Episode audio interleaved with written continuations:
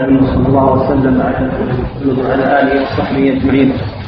قال المؤلف رحمه الله تعالى وعن عائشة رضي الله عنها قالت كان رسول الله صلى الله عليه وسلم إذا اغتسل من الجنابه يبدأ ويغسل يديه وعلى آله وصحبه أجمعين. قال الحافظ رحمه الله تعالى باب صفه الصلاة. وعن أبي هريرة رضي الله عنه أن النبي صلى الله عليه وسلم قال إذا قمت إلى الصلاة فأسجد الوضوء ثم استقبل القبلة فكبر ثم أقرأ ما تيسر معك من القرآن ثم ارفع حتى تطمئن راكعا ثم ثم ارفع حتى تعتدل قائما. ثم أسجد حتى تطمئن ساجدا. ثم ارفع حتى تطمئن جالسا. ثم أسجد حتى تطمئن ساجدا. ثم أفعل ذلك في صلاتك كلها أخرجه السبعة واللفظ البخاري. وزاد في إسناد مسلم حتى تطمئن قائما ومثله في حديث رفاعة بن رافع عند أحمد بن حبان حتى تطمئن قائما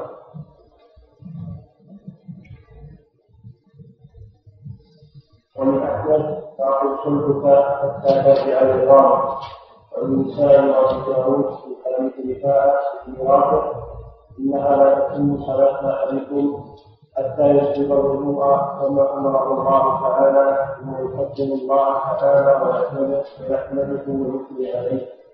وفيها فان كان القرآن فقرا والا حكم بالله وتطلق وأنزل ولابي داود ثم اقرأ أم الكتاب واذا شاء الله وابن الكتاب فيما شئت وعن ابي حمود الساعدي رضي الله تعالى عنه قال رايت رسول الله صلى الله عليه وسلم اذا كبر جعل يديه حذو منكبيه واذا رفع انزل يديه من ركبتيه ثم اصر رفع فاذا راى راسه استوى حتى يعود كل قال مكانه فاذا سجد وضع يديه غير مفترش ولا قابضهما واستقبل باطراف اصابعه اليه كله وإذا جلس فوق ركعتين جلس على يمينه اليسرى ووصل اليمنى وإذا جلس في الركعة الأخيرة قدم يمينه اليسرى ووصل الأخرى فعل على مفعله أخرجه البخاري وعن علي بن أبي طالب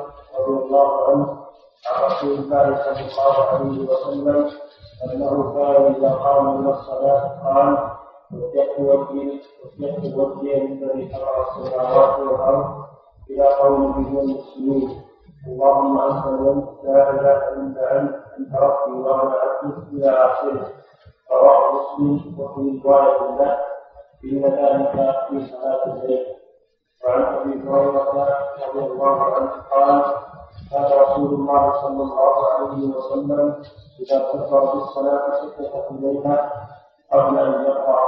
فسألته فقال أقول اللهم باعد بيني وبين خطاياي كما باعدت بين المسجد والمغرب اللهم نقني من خطاياي كما ينقى الثوب الأبيض من الناس اللهم اغسلني من خطاياي بالماء والثلج والبرد متفق عليه وعن عمر رضي الله عنه كان كان يقول سبحانك اللهم وبحمدك وتبارك اسمك وتعالى جدك ولا اله الا انت رواه مسلم بسند منقطع رواه الدارقطني وسنن موقوفا ونحو عن ابي سعيد الخدري رضي الله عنه مرفوعا ان الخمسه وفيه كان يقول بعد التكبير اعوذ بالله السميع العليم من الشيطان الرجيم من همزه ونفخه ونفخه وعن عائشه رضي الله عنها قالت كان رسول الله صلى الله عليه وسلم يستفتح الصلاة بالتكبير والقراءة لله رب العالمين.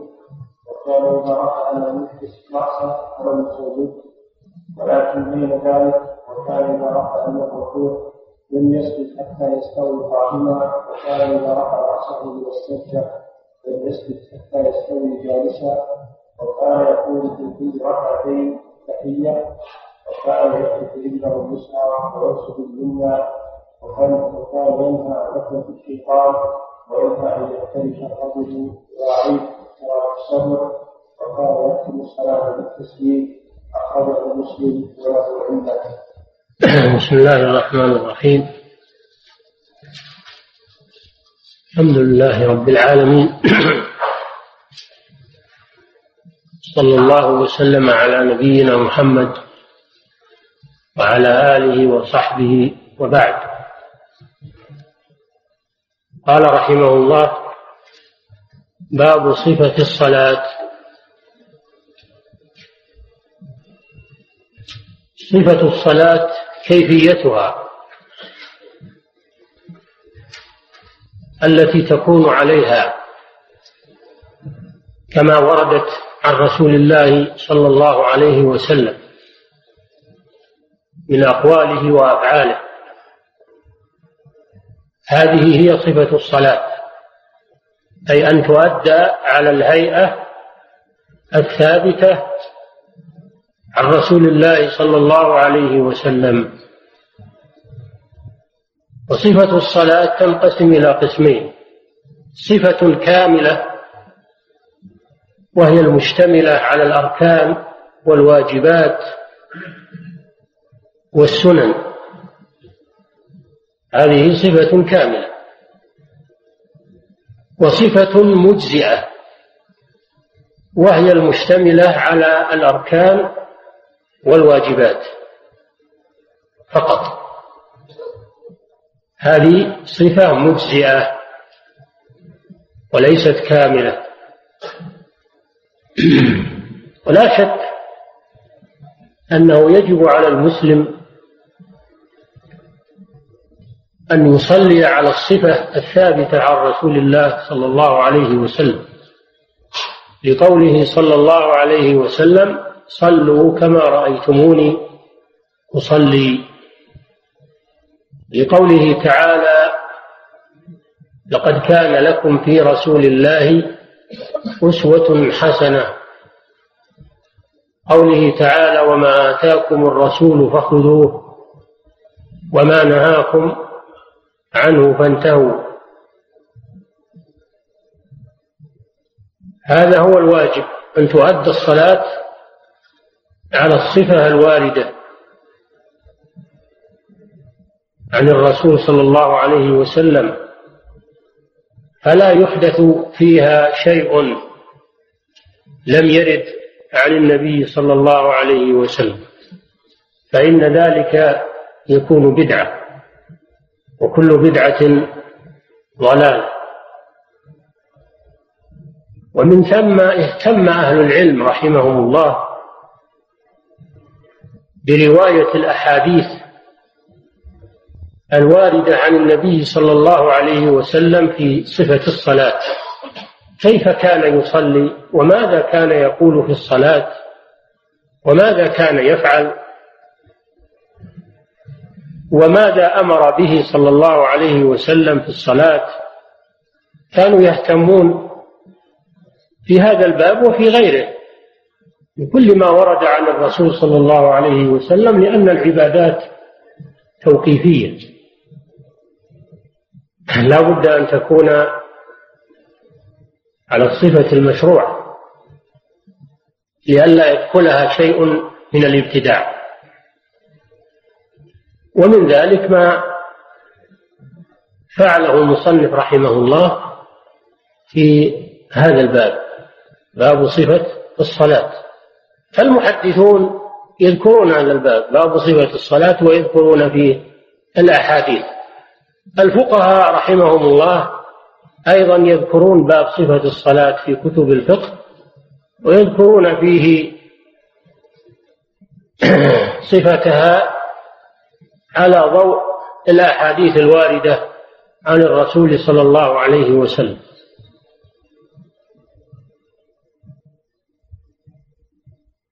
الحديث الأول حديث المسيء في صلاته وهو خلاد بن رافع. دخل المسجد والنبي صلى الله عليه وسلم جالس فصلى والنبي صلى الله عليه وسلم ينظر إليه. فلما فرغ من صلاته جاء وسلم على النبي صلى الله عليه وسلم. فرد عليه السلام وقال له ارجع فصل فإنك لم تصلي. فرجع الرجل وصلى ثم جاء وسلم على النبي صلى الله عليه وسلم. فرد عليه السلام ثم قال له ارجع فصل فإنك لم تصل. فرجع الرجل وصلى المرة الثالثة ثم جاء وسلم على النبي صلى الله عليه وسلم. فرد عليه السلام ثم قال له ارجع فصل فإنك لم تصل. فقال الرجل والذي بعثك بالحق نبيا لا أحسن غير هذا فعلمني.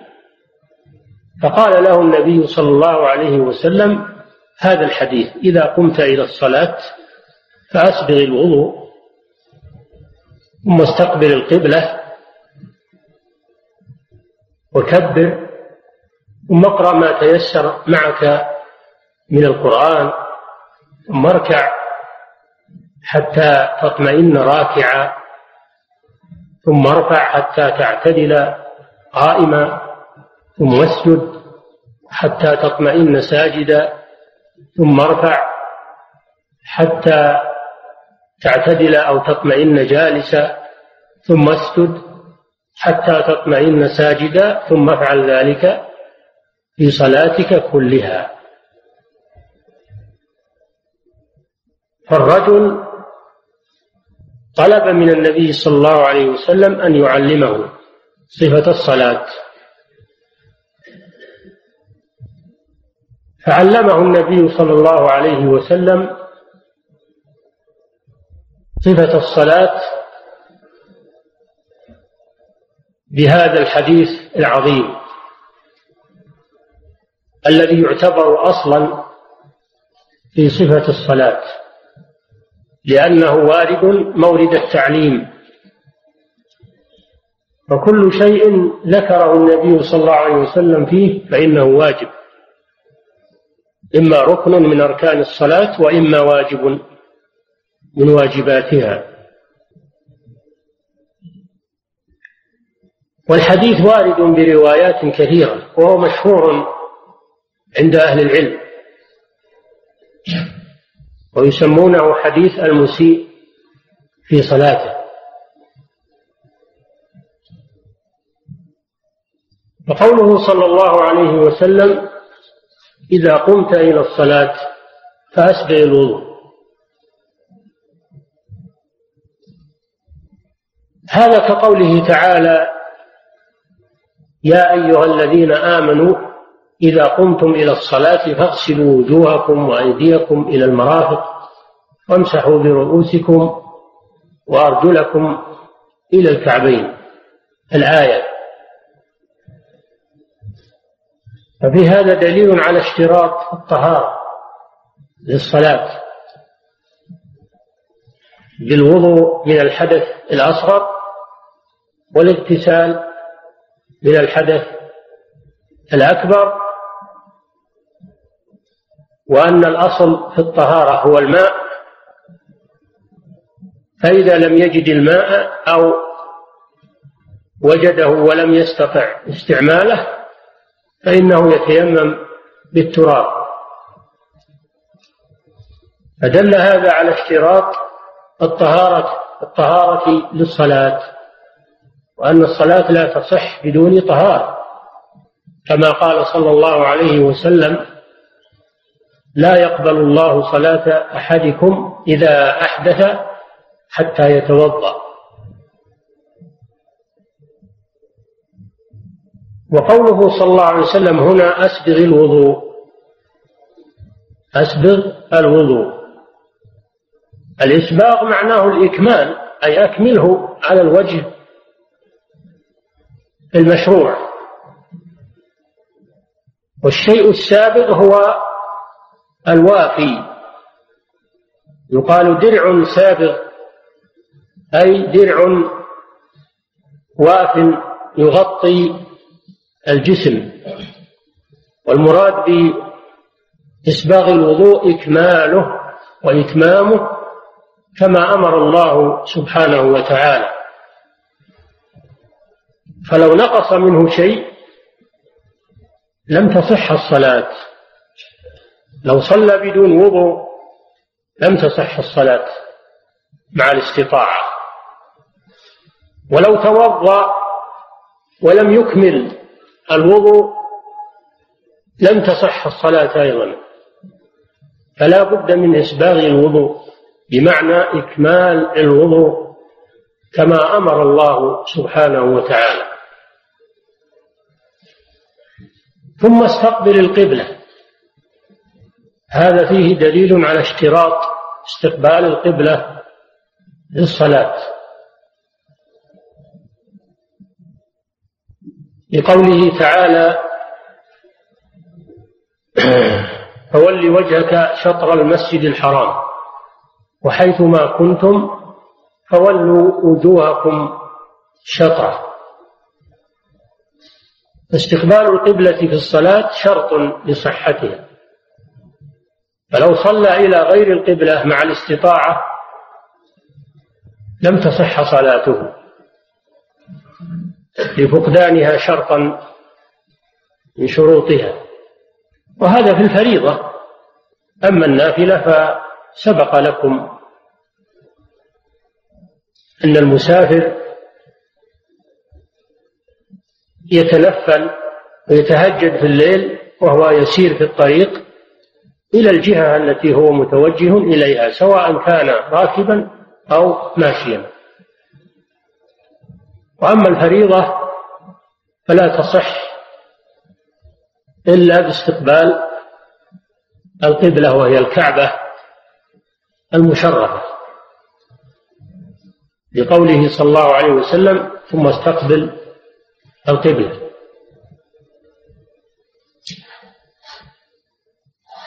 ثم كبر. ولم يذكر النبي صلى الله عليه وسلم النية. لم يذكر النية مع أنها شرط من شروط الصلاة. قالوا لأن قوله إذا قمت إلى الصلاة يغني عن ذكر النية لأنه لا يقوم إلى الصلاة إلا وقد نواها. فقيامه للصلاة استقباله للقبلة هذا معناه هو النية. ثم كبر. يعني تكبيرة الإحرام. للدخول في الصلاة. فلو دخل في الصلاة من غير تكبير لم تنعقد صلاته. الصلاة تكبيرة الإحرام ركن من أركان الصلاة. لو دخل فيها من غير تكبير لم تنعقد صلاة ولا بد أن يكون التكبير بصيغة الله أكبر. فلو أتى بذكر غير التكبير كأن قال سبحان الله أو قال الحمد لله أو قال لا إله إلا الله يريد أن يكون ذلك عوضا عن تكبيرة الإحرام لم لم تصح صلاة ولا تجزئه. لا بد من التكبير وفي الحديث تحريمها التكبير. وهنا يقول ثم كبر أن يقول الله أكبر أي الله أعظم من كل شيء.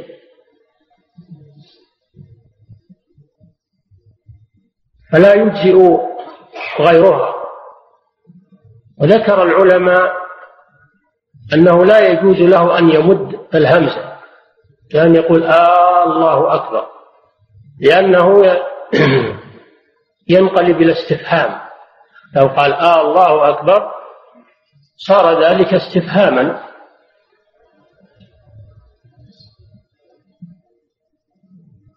فلا يقول آه الله بل يقول الله أكبر الله يقصر الهمزة.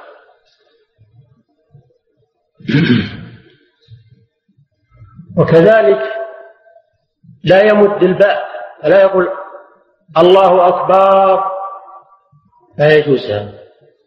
لأن أكبار جمع كبر. يحرف المعنى فيصير أكبار جمع كبر وهو الدف. يتغير المعنى تماما. فيقصر الباء أيضا.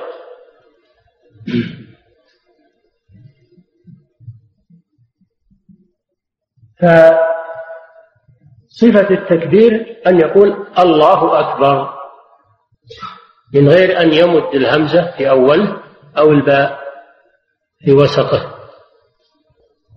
لأنه لو غير بالمد تغير المعنى. ولا يأتي بغير التكبير من سائر الأذكار. يريد بذلك افتتاح الصلاة. فلو فعل لم تنعقد صلاته ولم تصح. ثم اقرأ ما تيسر معك من القرآن. لم يذكر هنا الاستفتاح بعد تكبيرة الإحرام فدل على أنه غير واجب لأنه لو كان واجبا لعلمه النبي صلى الله عليه وسلم لهذا الرجل. وإنما الاستفتاح مستحب كما يأتي في الأحاديث. فالاستفتاحات الواردة في الأحاديث الآتية من باب الاستحباب.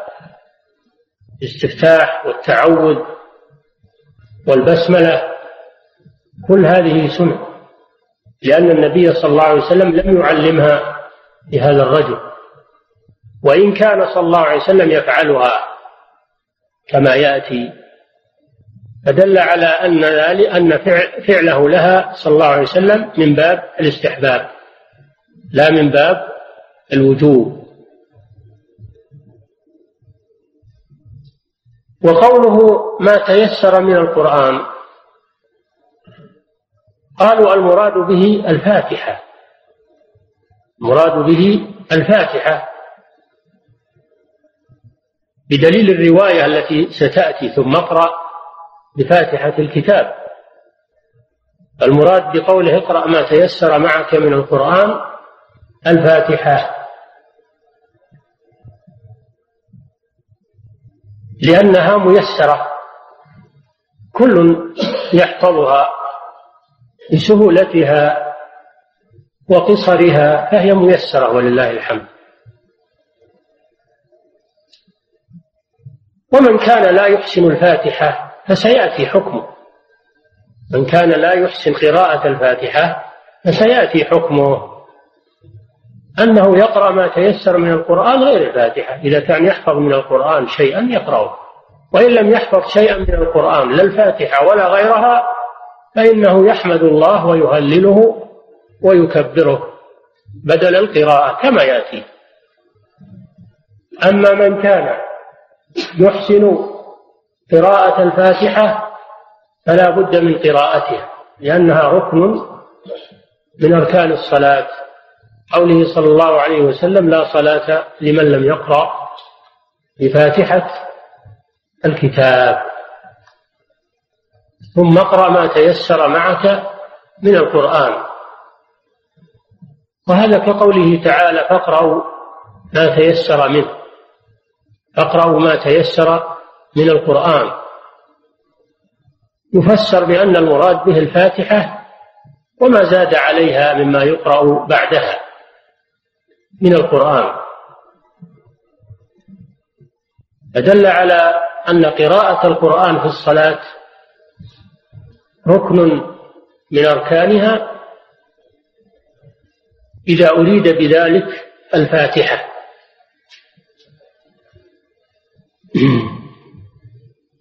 ثم اقرأ ما تيسر معك من القرآن. ثم اركع. الركوع هو الانحناء. الركوع هو الانحناء. إلى أن تصل يداه إلى ركبتيه. هذا هو الركوع. أن يحني ظهره ورأسه إلى أن تصل يداه إلى ركبتيه. هذا هو الركوع. وهو ركن من أركان الصلاة. بل إن الله سبحانه وتعالى عبر عن الصلاة بالركوع. قال واركعوا مع الراكعين أي صلوا مع المصلين. وقال والركع السجود.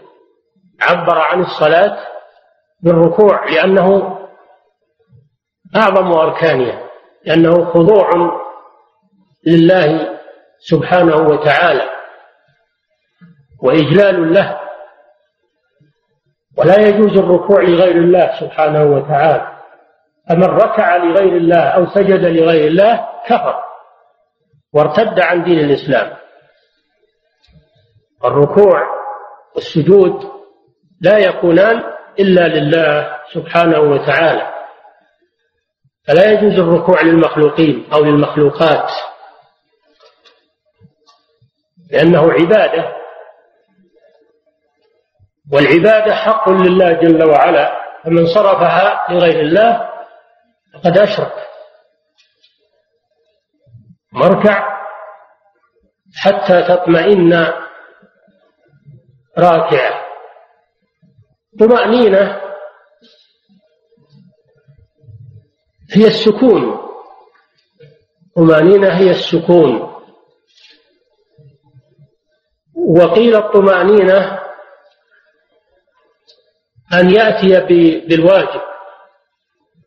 يركع حتى يأتي بالواجب في الركوع وهو قول سبحان ربي العظيم. حتى تطمئن راكع. ثم ارفع يعني من الركوع إلى القيام حتى تعتدل قائما. وفي الرواية الآتية حتى تطمئن قائما. دل على أن الرفع من الركوع ركن من أركان الصلاة.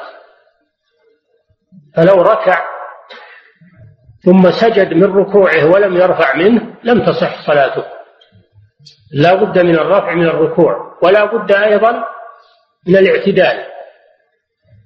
فلا يكفي أنه يرفع بسرعة ثم يسجد بل لا بد من الاعتدال. وفي رواية حتى يعود كل فقار مكانه والفقار المراد به عظام الظهر. تعتدل الفقار بعد أن حناها في الركوع تعتدل كما كانت وتعود إلى أمكنتها. لا يكون فيها انحناء. هذا هو الاعتدال فلو رفع رأسه من الركوع رفعا يسيرا ولم يعتدل ثم سجد لم تصح صلاته. وكذلك لو رفع واعتدل لكنه لم يطمئن ويقف لم لم تصح صلاته. الاعتدال ركن والطمأنينة بعد الاعتدال ركن آخر. حتى يقول ربنا ولك الحمد. ثم ارفع حتى تعتدل قائما وفي رواية حتى تطمئن قائما وفي رواية حتى يعود كل فقار مكانه ثم اسجد. السجود هو وضع الجبهة والأنف والأعضاء السبعة على الأرض أو على موضع السجود. بقوله صلى الله عليه وسلم أمرت أن أسجد على سبعة أعظم. الجبهة والأنف هذا شيء واحد عضو واحد. واليدان والركبتان ورؤوس القدمين. هذه سبعة سبعة أعضاء. لا بد من السجود عليها جميعا. أطراف القدمين عضوان الركبتان عضوان هذه أربعة. اليدان عضوان هذه ستة. الجبهة والأنف عضو واحد هذه كم؟ سبعة. سبعة أعضاء. فلو رفع واحدا من هذه السبعة في كل السجود ولم يضعه على الأرض لم تصح صلاته إلا إذا كان هذا لعذر. أما إذا كان لغير عذر ورفع واحدا من أعضائه لم يصل إلى الأرض لم يصح سجوده وبالتالي لم تصح صلاته. ثم اسجد حتى تطمئن ساجدا. لا يكفي إنه يصل إلى الأرض ثم يرفع على طول. لا بد أنه يبقى ويمكث في السجود حتى يأتي بالواجب وأقله أن يقول سبحان ربي الأعلى مرة واحدة وإن زاد إلى ثلاث أو إلى عشر هذا أكمل وأحسن. فالمجزي أن يقول سبحان ربي الأعلى مرة واحدة يعني المجزي في تكبير في تسبيح الركوع والسجود. المجزي في تسبيح الركوع والسجود أن يقول ذلك مرة واحدة. وأدنى الكمال ثلاث مرات وأعلى الكمال عشر مرات. وما زاد على ذلك كأن يكون في صلاة الليل والتهجد فله أن يطيل وأن يدعو وأن يمدد الركوع والسجود ما شاء الله.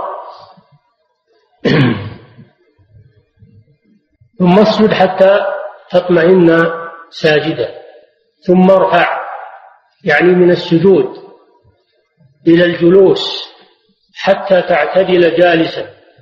هذا ركن من أركان الصلاة. فلو رفع رفعا يسيرا ثم سجد لم تصح صلاته. بل لا بد أن يعتدل جالسا.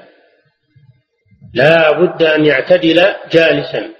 ويطمئن جالسا.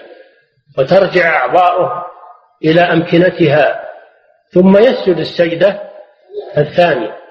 أما لو رفع من السجود رفعا يسيرا ثم ثم سجد على طول السجدة الثانية صلاته غير صحيحة لأنه ترك ركنا من أركان الصلاة وهو الجلوس بين السجدتين.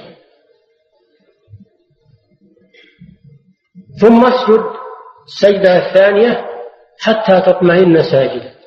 الآن تمت له ركعة كاملة بقيامها وركوعها وسجدتيها وصفها النبي صلى الله عليه وسلم وصفا كاملا في كل ما يفعله فيها وأمره بالطمأنينة في كل فعل ثم قال له افعل ذلك في صلاتك كلها.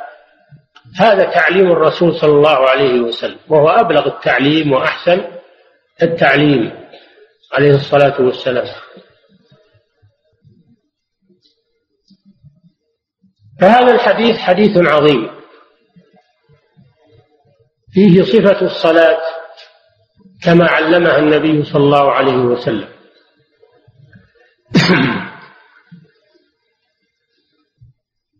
ففيه أولا من المسائل العظيمة أولا فيه تعليم الجاهل. فإن النبي صلى الله عليه وسلم لم يسكت عن هذا الرجل ويتركه يبقى في جهله ويصلي صلاة غير مجزئة هذا لا يجوز. فمن رأى شخصا يسيء في صلاته ويخل بها لم يسعه السكوت بل لا بد أن يعلمه ويصحح خطأ لأن النبي صلى الله عليه وسلم لم يترك هذا الرجل يقول بكيفه هوى أنا ما علي منه. لا هذا ما يجوز. أخوك مسلم رأيت عليه خللا في دينه؟ وأنت تقدر على تعليمه يجب عليك ذلك. ففي هذا هذا الحديث أولا وجوب تعليم الجاهل أمور دينه. وجوب تعليم الجاهل أمور دينه. على من عنده علم ومعرفة. المسألة الثانية في الحديث دليل على حسن تعليمه صلى الله عليه وسلم.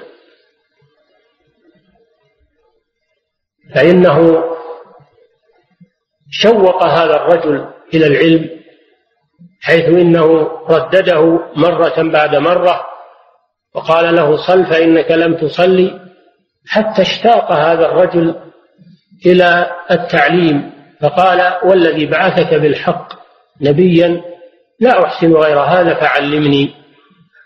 فعند ذلك علمه النبي صلى الله عليه وسلم وأوجز له التعليم. ما طول عليه أوجز له التعليم. أقام له ركعة واحدة وقال له الباقي صله كهذه الركعة ثم افعل ذلك في صلاتك كلها. هذا فيه إيجاز. عدم تكرار.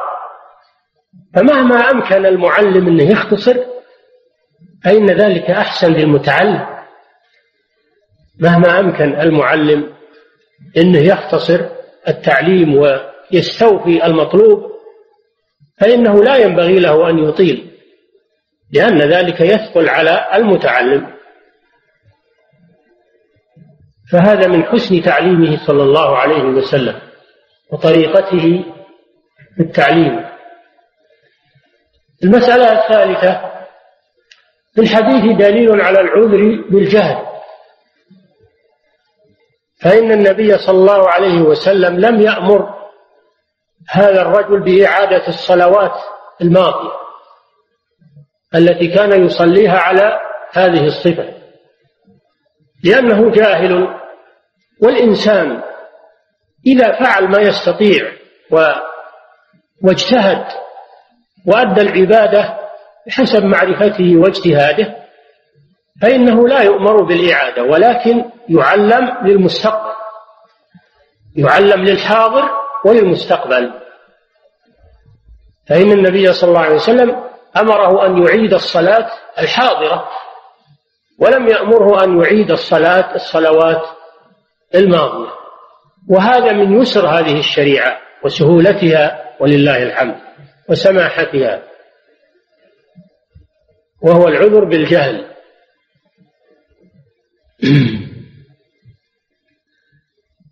المسألة الرابعة في الحديث دليل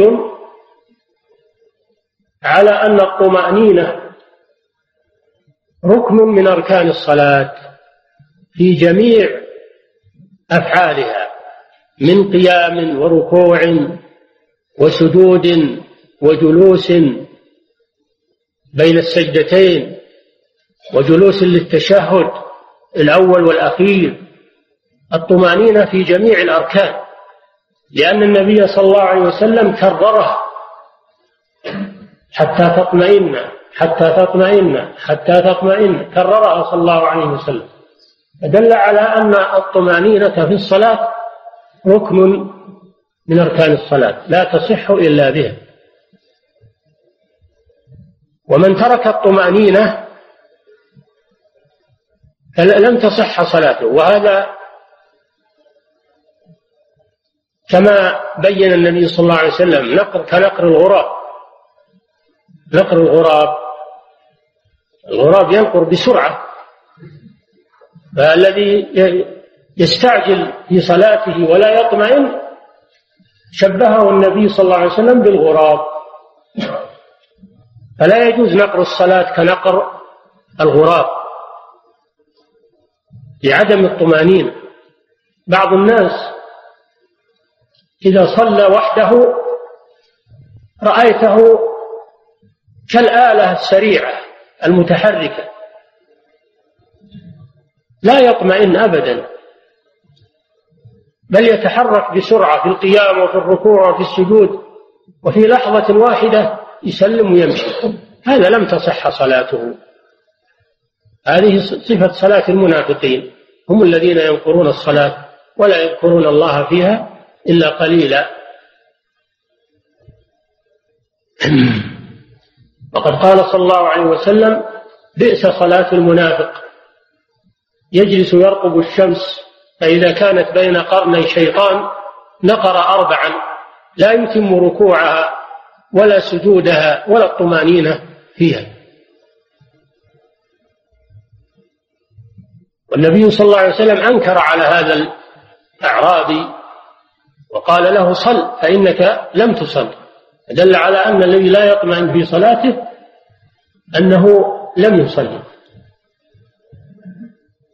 هذا ما بعض ما يدل عليه هذا الحديث. نعم. نعم.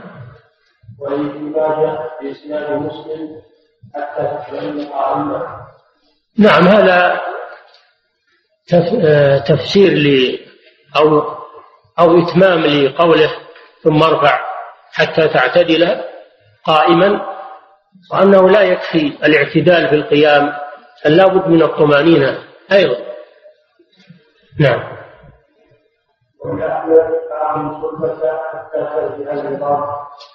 أقم صلبك يعني في القيام. الصلب صلب الظهر. عمود الظهر يسمى بالصلب. عمود الظهر يسمى بالصلب. قال تعالى يخرج من بين الصلب والترائب. الصلب عمود الظهر. فإذا ركع الإنسان انحنى صلبه. فإذا قام اعتدل صلبه. فيشترط في القيام من الركوع اعتدال الصلب. فيكون قوله آه، حتى يعتدل الصلب وتعود العظام يكون تفسيرا لقوله حتى تعتدل قائما. نعم. نساء وأبي داود في حديث رفاعه في رافع إنها لا تكون صلاه صلاة أحدكم حتى يسبق الوضوء كما امره الله تعالى. الوضوء شرط من شروط صحة الصلاة. فلو صلى من غير وضوء لم تصح. ولو توضأ ولم يكمل الوضوء لم يصح وضوءه ولم تصح صلاته. نعم. كما أمره الله تعالى في قوله فاغسلوا وجوهكم إلى آخر الآية. نعم. ثم الله تعالى ويحمده وفيها فإن الله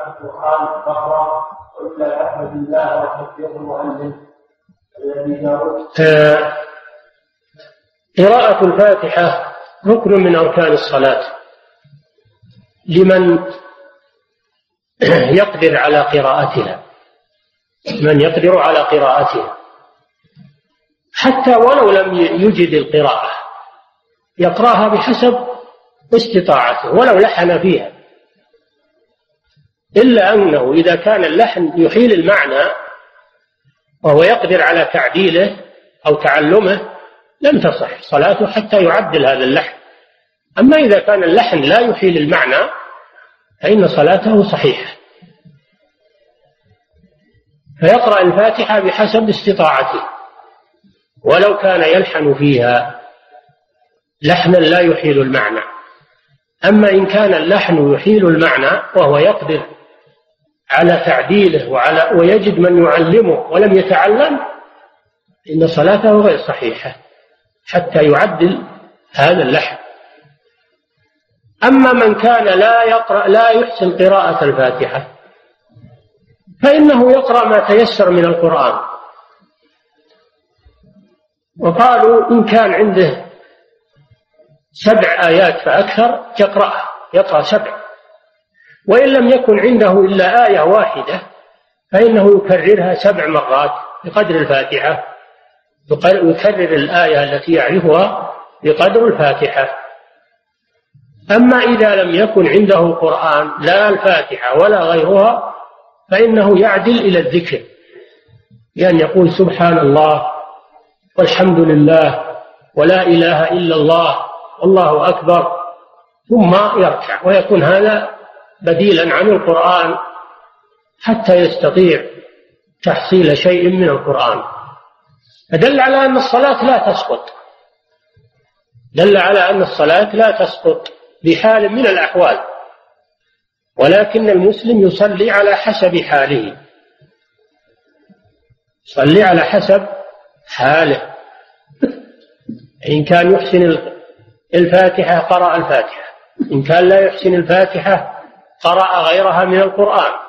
إن كان لا يحسن شيئا من القرآن فإنه يعدل إلى التسبيح والتهليل والتكبير. ولا تسقط عنه الصلاة. بل يصلي على حسب هذا يفسر قوله صلى الله عليه وسلم ثم اقرأ ما تيسر معك من القرآن في أول الحديث لأن المراد بما تيسر الفاتحة. إذا كان يستطيع الفاتحة لأنه لا يقوم غيرها مقامها وهو يستطيع قراءتها وإنما يقوم غيرها مقامها إذا لم يستطع قراءتها. وسميت أم الكتاب سميت الفاتحة أم الكتاب لأنها مشتملة على معاني القرآن الكريم. وأم الشيء هو الذي يرجع إليه الشيء. فالقرآن كله يرجع إلى سورة الفاتحة لأنها مشتملة على على أغراض القرآن ومعاني القرآن كلها. ففيها أنواع التوحيد الثلاثة وفيها إثبات الرسالات والنبوات وفيها إثبات البعث وفيها الرد على اليهود والنصارى وسائر الكفرة. اهدنا الصراط المستقيم صراط الذين أنعمت عليهم غير المغضوب عليهم ولا الضالين. فهي اشتملت على أغراض القرآن ومعاني القرآن. فلذلك سميت أم الكتاب.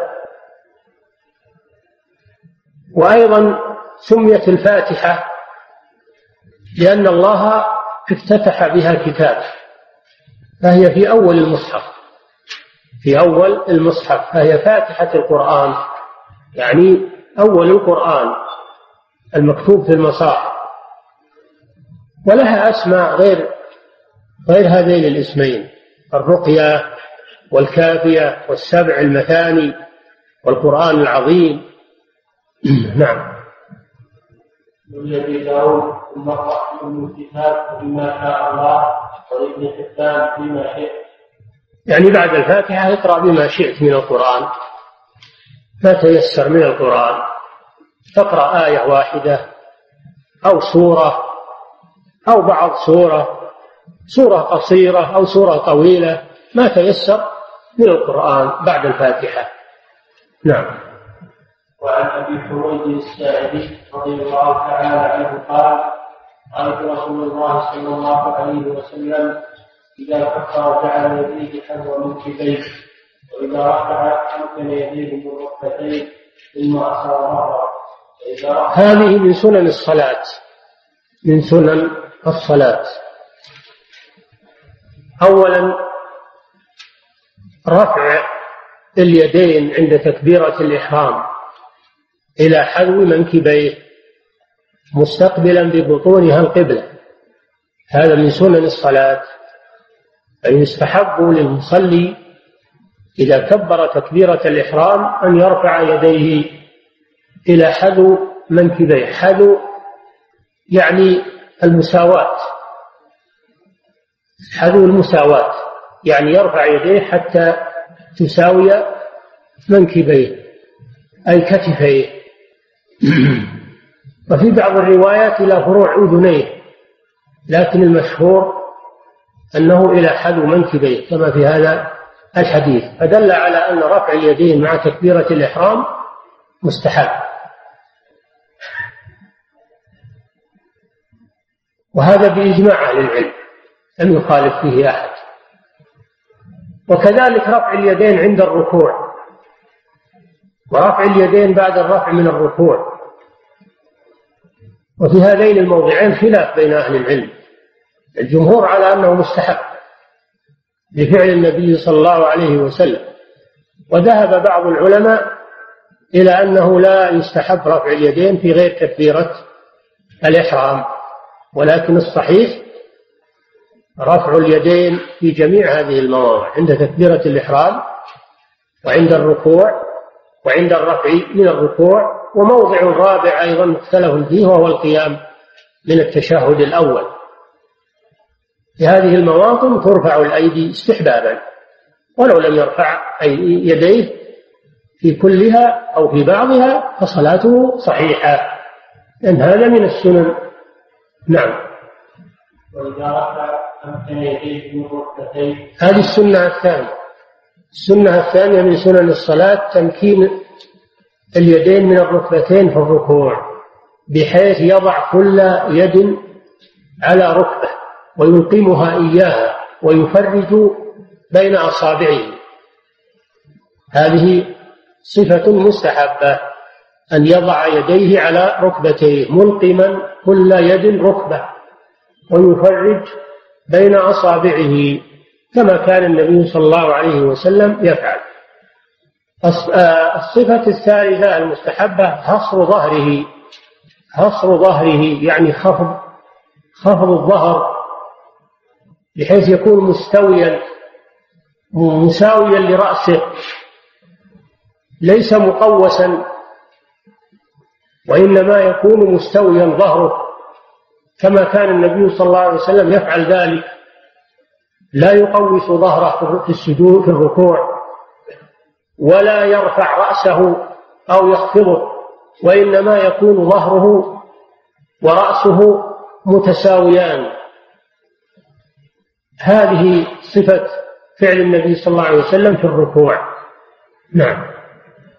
فإذا رفع رأسه استوى حتى يعود حتى يعود كل فقار مكانه إذا رفع رأسه من الركوع استوى يعني اعتدل قائما حتى يعود كل فقار والفقار عظام الظهر. عظام الظهر. يعود مكانه. كما سبق يقيم صلبه.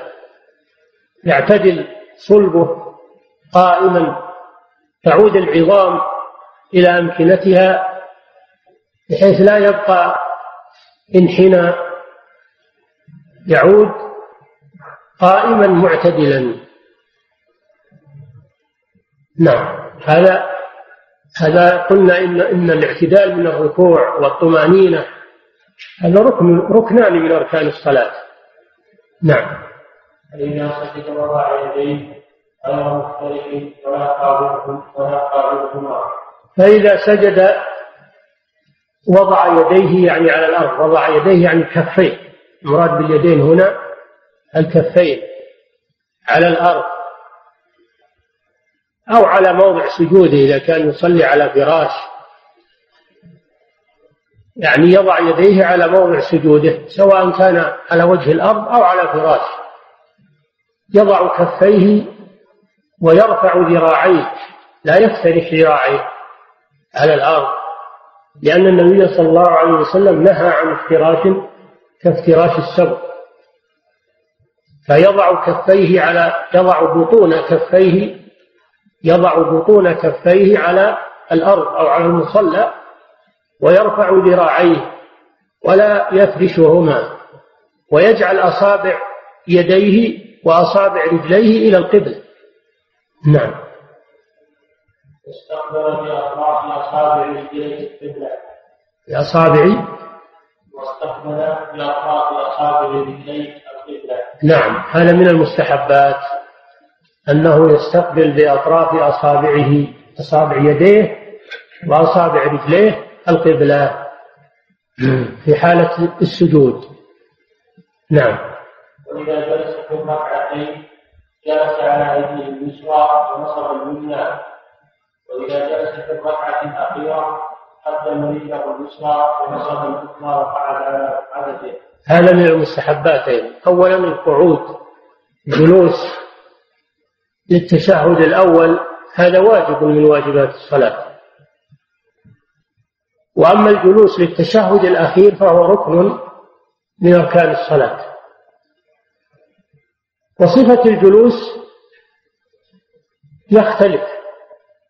التشهد الأول يجلس مفترشا يجلس صلى الله عليه وسلم مفترشا بمعنى أنه يفرش رجله اليسرى ويقعد عليها يجعل ظهرها إلى الأرض وبطنها إلى أعلى ويجلس عليه. هذا الافتراش. وينصب اليمنى بمعنى أنه يجعل أصابعها على الأرض ويرفع عقبه عليه الصلاة والسلام. هذا نصب اليمنى. هذا ما يسمى بالافتراش. أما في التشهد الأخير فإنه صلى الله عليه وسلم كان يتورط بمعنى أنه يقعد على الأرض ويفرش اليسرى ويخرجها من جهة يمينه وينصب اليمنى. اليمنى ينصبها كما في التشهد الأول أما اليسرى فإنه يفرشها ويخرجها عن جهة يمينه ولا يجلس عليها وإنما يجلس على الأرض. هذا يسمى بالتورك والأول يسمى بالافتراش. فدل على الفرق بين الجلستين جلسة التشهد الأول وجلسة التشهد الأخير. نعم. وعن علي بن أبي طالب رضي الله عنه عن رسول الله صلى الله عليه وسلم أنه كان اذا قام وهذا سنة الافتراس وال والتورك سنة. أما لو جلس في التشهد الأخير مفترشا وفي التشهد الأول متوركا فصلاته صحيحة. لكن الأفضل هو هذا. لو تورط في الجلستين أو افترش في الجلستين جاز هذا صحت صلاته لكن الأفضل الفرق بينهما. ولأنه في الجلوس الأول متهيئ للقيام. فإذا كان مفترشا كان هذا أيسر عليه. أما في التشهد الأخير فليس عنده قيام. فلهذا يتورط ويرتاح. نعم. وعن علي بن أبي طالب رضي الله عنه عن رسول الله صلى الله عليه وسلم أنه كان إذا قام إلى الصلاة قال وجهت وجهي للذي فطر السماوات والأرض إلى قوله من المسلمين. اللهم أنت الملك لا إله إلا أنت. أنت ربي وأنا عبدك إلى آخره رواه مسلم. وفي رواية له إن ذلك في صلاة الليل. هذا أيضا من المستحبات في الصلاة وهو من مستحبات الأقوال وهو الاستفتاح. الاستفتاح دعاء الاستفتاح ويكون بعد تكبيرة الإحرام وقبل قراءة الفاتحة. كان صلى الله عليه وسلم يسكت بعد تكبيرة الإحرام ويأتي بدعاء الاستفتاح سرا بينه وبين نفسه. ودعاء الاستفتاح ورد بصيغ كثيرة. ورد بصيغ كثيرة. يخير المسلم بينها فأي استفتاح دعا به فله ذلك لأنه وارد عن النبي صلى الله عليه وسلم. منها منها سبحانك اللهم وبحمدك وتبارك اسمك وتعالى جد ولا إله غيرك. هذا واحد. وهذا هو المشهور وهو الذي كان يستفتح به عمر ويعلمه للناس. النوع الثاني وجهت وجهي للذي فطر السماوات والأرض حنيفا وما أنا من المشركين. إن صلاتي ونسكي ومحياي ومماتي لله رب العالمين. لا شريك له وبذلك أمرت وأنا أول المسلمين. اللهم اللهم أنت الملك. لا إله إلا أنت. أنت ربي وأنا عبدك. ظلمت نفسي فاعترفت بذنبي فاغفر لي. واهدني لأحسن الأخلاق. لا يهدي لأحسنها إلا أنت. واصرف عني سيئها. لا يصرف عني سيئها إلا أنت. لبيك وسعديك. والخير في يديك. والشر ليس إليك. وأنا بك وإليك. أستغفرك وأتوب إليك. ثالث اللهم رب جبرائيل وميكائيل وإسرافيل. فاطر السماوات والأرض عالم الغيب والشهادة أنت تحكم بين عبادك فيما كانوا فيه يختلفون. اهدني لما اختلف فيه من الحق بإذنك إنك تهدي من تشاء إلى صراط مستقيم. كل هذه وردت عن النبي صلى الله عليه وسلم. أنه كان يستفتح في هذا تارة وبهذا تارة. وليس المراد أنه يجمع بينها لا المراد أنه تارة يستفتح بهذا وتارة يستفتح بهذا وأنه ليس للفريضة استفتاح خاص بها ولكنه مخير. ولو أنه نوعها مرة يأتي بهذا ومرة يأتي بهذا ومرة يأتي بذاك كان أحسن من أجل أن يعمل بكل ما ورد عن النبي صلى الله عليه وسلم. ولو اقتصر على واحد منها وداوم عليه كفى أيضا. وقد كتب شيخ الإسلام بن تيمية رسالة مستقلة في أنواع الاستفتاح الواردة عن النبي صلى الله عليه وسلم. نعم. وعن أبي هريرة رضي الله عنه قال قال رسول الله صلى الله عليه وسلم إذا كفر الصلاه سكت هنيئا قبل أن يقرأ. سكت هنيئا يعني سكوتا يسيرا. فسألوه ماذا يفعل في هذا السكوت بين لهم صلى الله عليه وسلم ما يقوله. نعم. فسألته فقال أقول اللهم باعد بيني وبين خطاياي. وهذا نوع رابع اللهم باعد بيني وبين خطاياي كما باعدت بين المشرق والمغرب. اللهم نقني من خطاياي كما ينقى الثوب الأبيض من الدنس. اللهم اغسلني من خطاياي بالماء والثلج والبرد هذا نوع رابع من أنواع الاستفتاحات الواردة عنه صلى الله عليه وسلم. نعم. وعن عمر رضي الله عنه قال كان يقول سبحانك اللهم وبحمدك وتبارك اسمك وتعالى جدك ولا إله غيرك ولا إله غيرك رواه مسلم بسند منقطع رواه الدارقطني موصولا وموقوفا الله تعالى أعلم وصلى الله وسلم ترى الليلة الآتية ما في درس لأن عندي سفر إن شاء الله. نعم.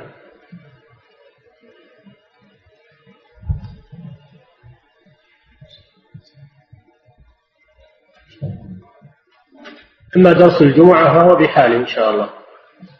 ليلة واحدة فقط. نعم. ما حكم ما حكم من نسي ركنا في إحدى الركعات ثم سلم هل يعيد الصلاة أم يأتي بركعة كاملة بعد السلام؟ إذا نسي ركنا في ركعة من ركعات الصلاة ولم يذكر إلا بعد ما سلم فإنه يقوم ويأتي بركعة كاملة ويسجد للسهو. يأتي بركعة كاملة ويسجد للسهو. نعم. أما إذا ذكر أنه ترك ركنا وهو في الصلاة فإن فإن الركعة التي بعد الركعة التي ترك الركن منها تقوم مقامها. تلغو الركعة التي تركه منها وتقوم التي تليها مقامها ويكمل صلاته على هذا المنوال. ويسجد للسهو. نعم. ما حكم صلاة من يصلي وهو واضع إحدى رجليه على بطن الأخرى. ألا وهو واضع إحدى رجليه على بطن الأخرى. كيف وضع إحدى رجليه على بطن ما فهمت. النبي صلى الله عليه وسلم نهى عن عقبة الشيطان كما يأتي. قالوا والمراد بذلك الجلسة التي يجلس الإنسان على مقعدته ويرفع ركبتيه وفخذيه وساقيه.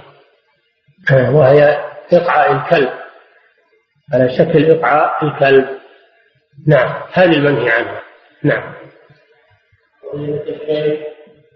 صلينا خلف رجل لا يريد قراءة الفاتحة فكان يلحن فيها لكن يحيل المعنى فهل يعيد الصلاة؟ نعم.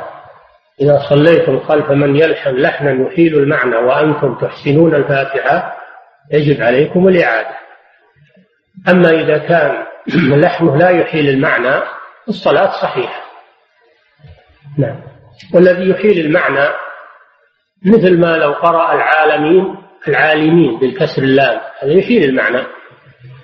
أو قال أنعمت عليهم بدل أنعمت عليهم. هذا يحيل المعنى. أما لو قال الحمد لله رب العالمين نصب ربا أو الحمد لله رفع الجلالة هذا لا يحيل المعنى.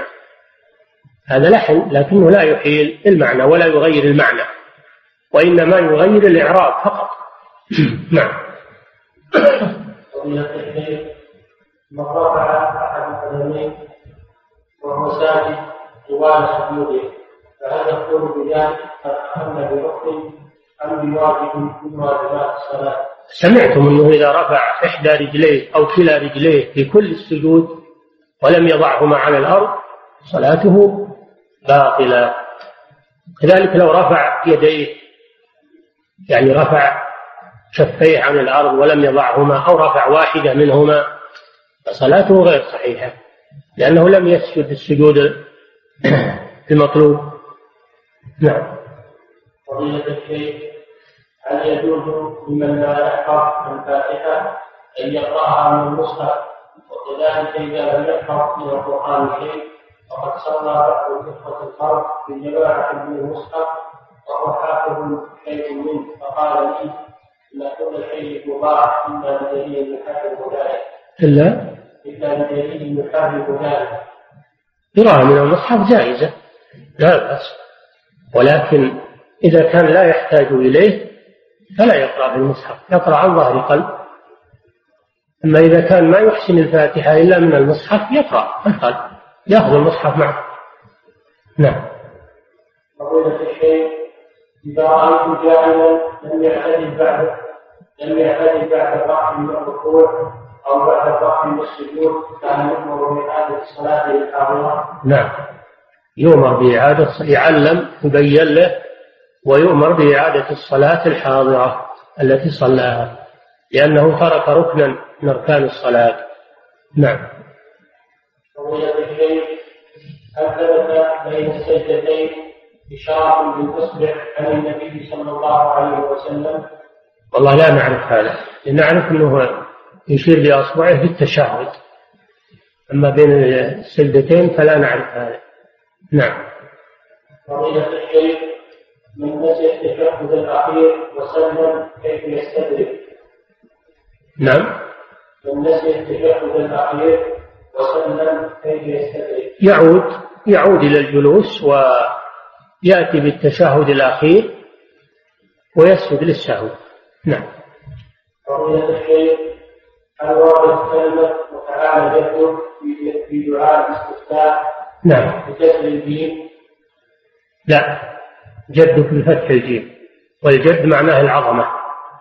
الجد هنا معناه العظمة. نعم.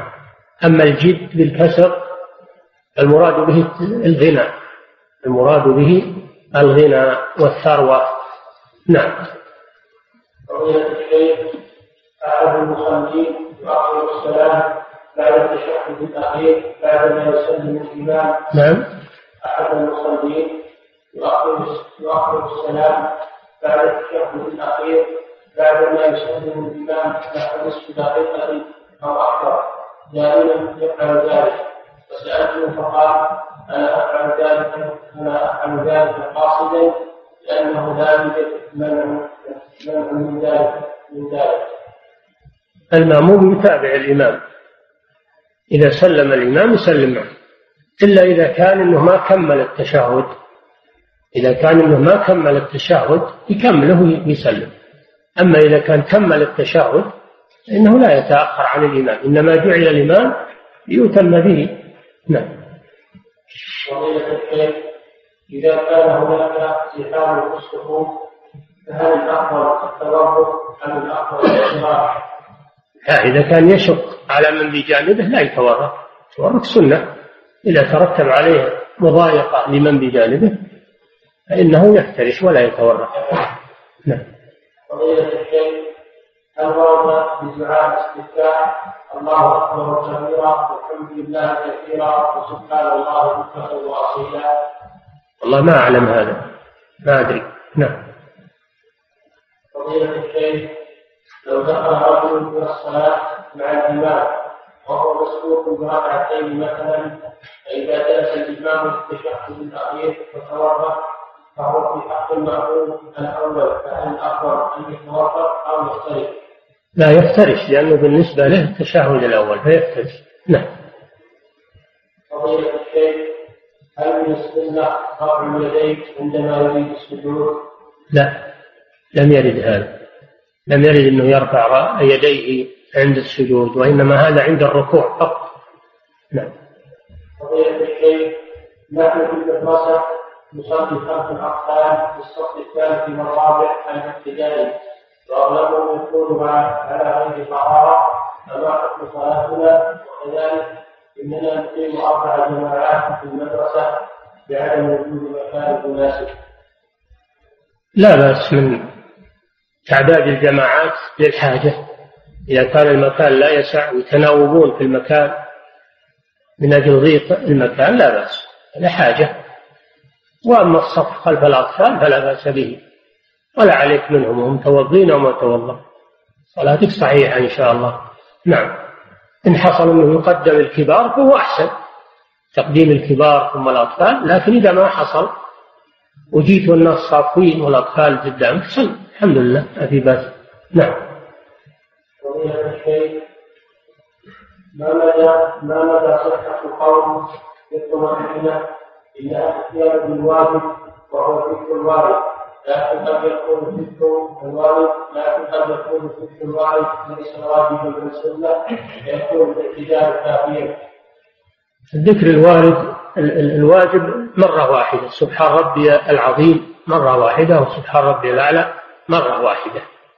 أما الأذكار المستحبة فهذه لا أقول ما يلزم ما يلزم أن الإنسان يطول الركوع أو يطول السجود إلى ما يأتي بها إن جاء بها وطول الركوع والسجود فلا بأس وإما طول واقتصر على قول سبحان ربي العظيم سبحان ربي الأعلى كفى هذا ولا سيما الإمام الإمام ما يشق على المأمومين ويطول الركوع علشان يجيب عشر تسبيحات أو يطول السجود.